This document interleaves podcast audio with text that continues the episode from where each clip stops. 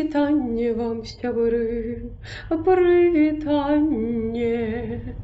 Hello, hello, hello, hello, hello, hello, hello, hello. Guten Morgen, guten Tag, guten Abend, alles gut. А по-русски я не, я не памятаю, як гэта было. Гэта жудасная песенька. Гэта мы пелі кожны раз перад кожным на пачатку кожнага урока музыкі ў школе. І зараз заўсёды, калі я кажу прывітанне сябры, мой мозг такі Ага, прывітанне вам сябры. Ой жах. Прывітанне сябры, мяне завуць Іна, вы слухаеце падкаст пра мовы на мове, у якім я расказваю пра вывучэнне роднай і замежных моў і таксама разважаю на розныя лінгвістычныя пытанні, адказваю на розныя лінгвістычныя пытанні, разважаю на розныя лінгвістычныя тэмы. Я сама выкладчыца ангельскай мовы і зараз я вывучаю лінгвістыку у магістратуры ва ўніверсітэце кёльна ў нямметчыне і таму я магу разважаць на ўсе гэтыя тэмы. Сённяшні эпізод першы, які я вырашыла зрабіць у відэафармаце, дагэтуль усе эпізоды а існуюць 6 эпізодаў гэтага падкаста яны ўсе у аўдыёфармаце на платформах google подкасты apple подкасты і таксама spotify. І я вырашыла дадаць youtube відэафармат і паглядзім што з гэтага будзе у мяне яшчэ няма нармалёвага такога мікрафона. Я выкарыстоўваюць гэтую петлічку якую я выкарыстоўваю для сваіх відэо на youtube пра ангельскую мову і пра вывучанне моў таксама але на ангельскай. і І ну няма ў мяне лішніх грошай, каб зараз купіць вось гэты нармалёвы такі махнаты гэты мікрафон. ну таму ну, вось такі. Я Ну мабыць э, я спадзяюсь што гэта не будзе замінаць вам слухаць мяне ці глядзець мяне і сёння я хочу закрануць такую тэму э, якія адрозненні існуюць паміж адукацыяй лінгвіста і адукацыяй выкладчыка замежных моў і чаму таксама трошки скажу про тое чаму то як гэта робіцца ў мінскім дзяржаўным лінгвістычным універсітэце гэта нейкая халера. а я атрымала дыплом першай ступені вышэйшай адукацыі вось гэты беларускі бакалаўрыят у мінскім лінгвістычным універсітэце. У 2009-2014 годах гэта важна таму што ну мабыць штосьці там змянілася так. Я могу толькі казаць пра тыя годы калі я там навучалася. І у дыпломе я лін... лінгвістка і выкладчыца замежных моў. Зараз я вучуся, як я ўжо казала ў магістратуру кёльня, магістратура гэта чыста лінгвістычная. І я заўсёды спрабую э, трымацца рэгламенту 10-12 хвілін для гэтага э, падкаста. Таму мне не хопіць часу грунтоўна э, параўнаць навучанне ў мінскім лінгвістычным універсітэце і на лінгвістыцы ва ўніверсітэце кёльна, але калі вам гэта цікава, калі у вас будуць нейкія пытанні, пакідайце гэтае пытанне ці вашу цікаўнасць у каментарах. І мабыць я зраблю новы эпізод пра вось параўнаю універсітэты. Значыць у мДлу я навучалася на факультэце ангельскай мовы.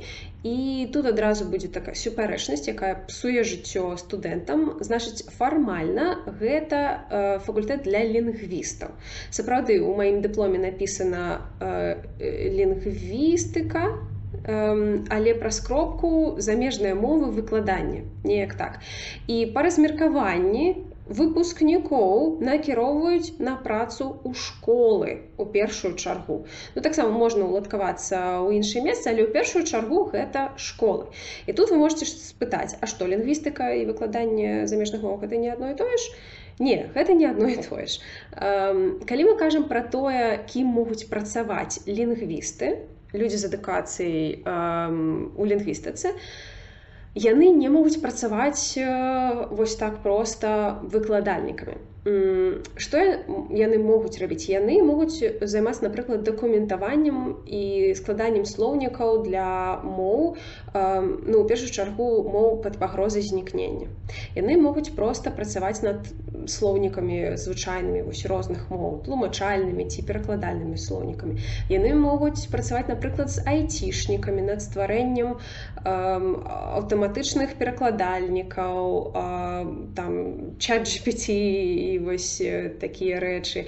Сістэм сінтэзу маўлення распазнавання маўлення.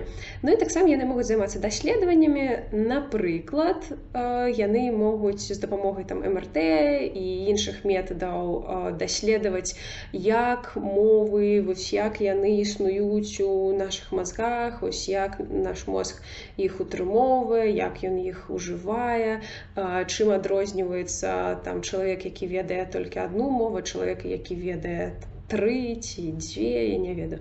Ну вось такое.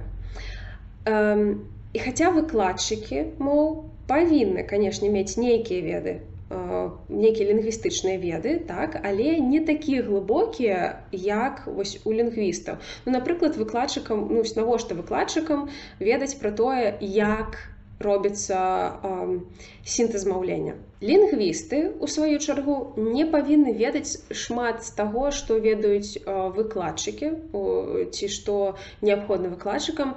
Выкладчыкі замежных і родны таксама моў вучыць метады выкладання моў якія канешне так гэтыя метады яны асноўваюцца на выніках даследаванняў лінгвістаў так.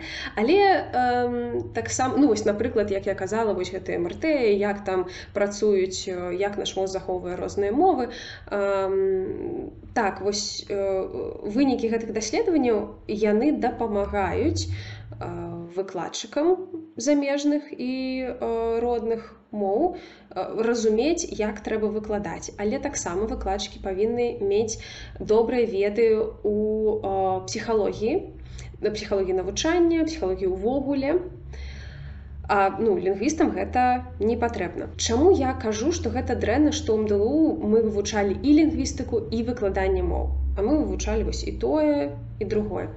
Таму што ну па-першае і тое і другое вывучалася недастаткова грунтоўна на маю думку. Ці лепш так лепш было б сказаць што настаўніцы намагаліся даваць грунтоўныя веды яны давалі грунтоўныя веды але студэнты проста не маглі ўсе гэтыя веды ўспрыняць. Таму што э, трэба было ну занадта шмат чаго вучыць і лінгвістыка і выкладанне моў і там і пераклад таксама у нас быў і яшчэ было ўражанне што прадметы нават калі мы параўноўваем лінгвістычныя з лінгвістычнымі ці вот, вось прадметы пра выкладанне з іншымі прадметамі пра выкладанне пра методыку то прадметы унутры кожнай з гэтых дзвюх катэгорый яны мала суадносіліся паміж сабой. Вось такое таксама было ўражанне. І суаднесці зразумець і запомніць такую колькасць і такую розную інфармацыю гэта было ўсё ж таки вельмі складана яшчэ дадаецца тое што з першага курса нам казалі што ўсе мы пойдзем працаваць у школы. І таму большасць з нас і не намагалася разумець лінгвістыку вельмі добра таму што ну, навошта? У прафесійнай дзейнасці нам такія глыбокія веды ў лінгвістыцы не спатрэбяцца так?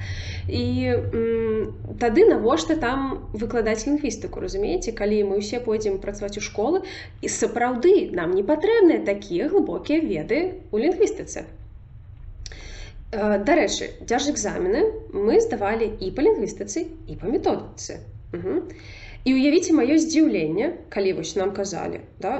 я здавала дзярж экзамен па методыцы нам казалі пойдзеце ўсе працаваць у школы так вось гэта ўсё і потым калі я пайшла працаваць у віцебскі дзяржаўны універсітэт і там мне кажуць праз вось адзін год згодна кода вашай спецыяльнасці кода. Не, не гэтых слоў там лінгвіст і выкладчыца замежных моў не згодна кода вашай спецыяльнасці у нейкім там рэестры ваша спецыяльнасць лінгвістычная а не педагагічная Таму вам патрэбна рабіць што ісці на курсы перападрыхтоўкі калі вы жадаеце у нас тут працаваць і сапраўды мяне адправілі на курсы перападрыхтоўкі і разумець які гэта разам у мяне было шмат у шмат прадметаў пра методыку ва універсітэце. Я здавала дзярж экзамен. Гэта, гэта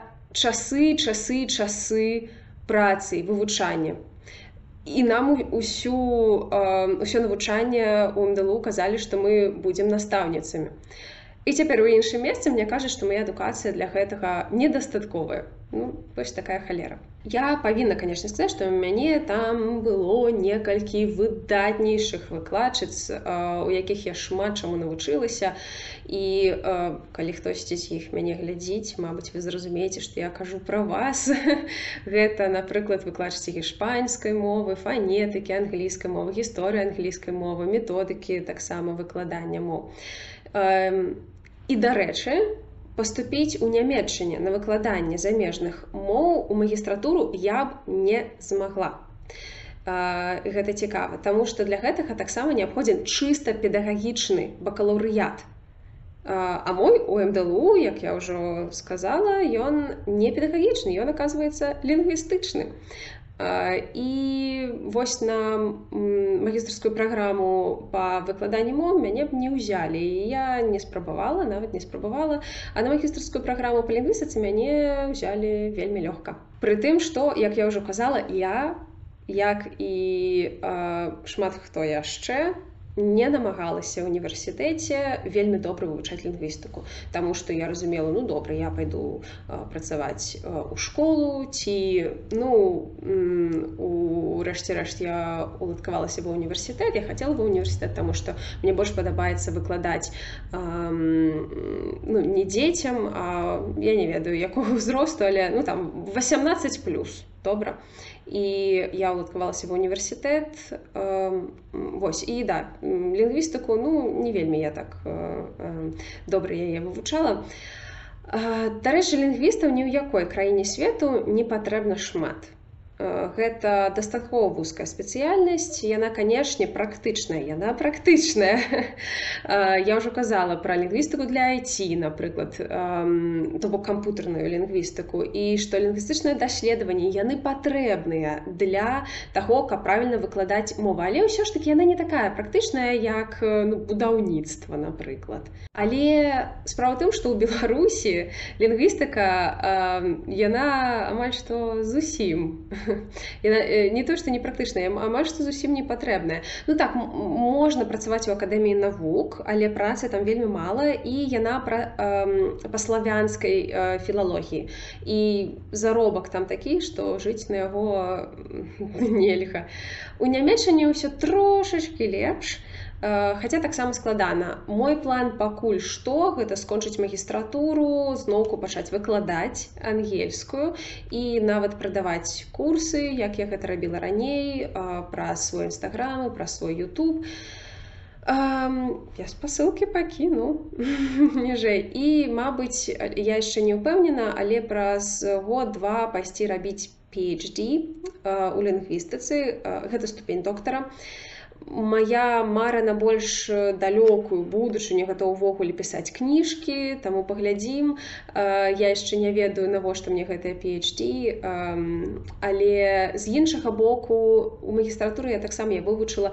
Нягледзячы на то што яна была пра лінгвістыку ўсё ж такі ну мяне адбыўся такі шифт у тым як я гляджу на э, свет як я гляджу на таксама выкладанне вывучэння замежных моў і гэта было вельмі цікава. Таксама я разумею што калі я буду пісаць кніжкі гэта будзе вельмі добра на вокладцы напісаць што PhD у лінгвістыцы так? Ну э, паглядзім паглядзім. а Гэта ўсё на сёння. Пакідайце пытанні ў каментарах на YouTube і пабачымся ў наступным эпізодзе. і таксама скажыце ці спадабалася вам спадабаўся вам гэты відэафармат ці трэба вось так гэта рабіць. Так мяне завуць Іна вы слухалі прамовы на мове. Пабачымся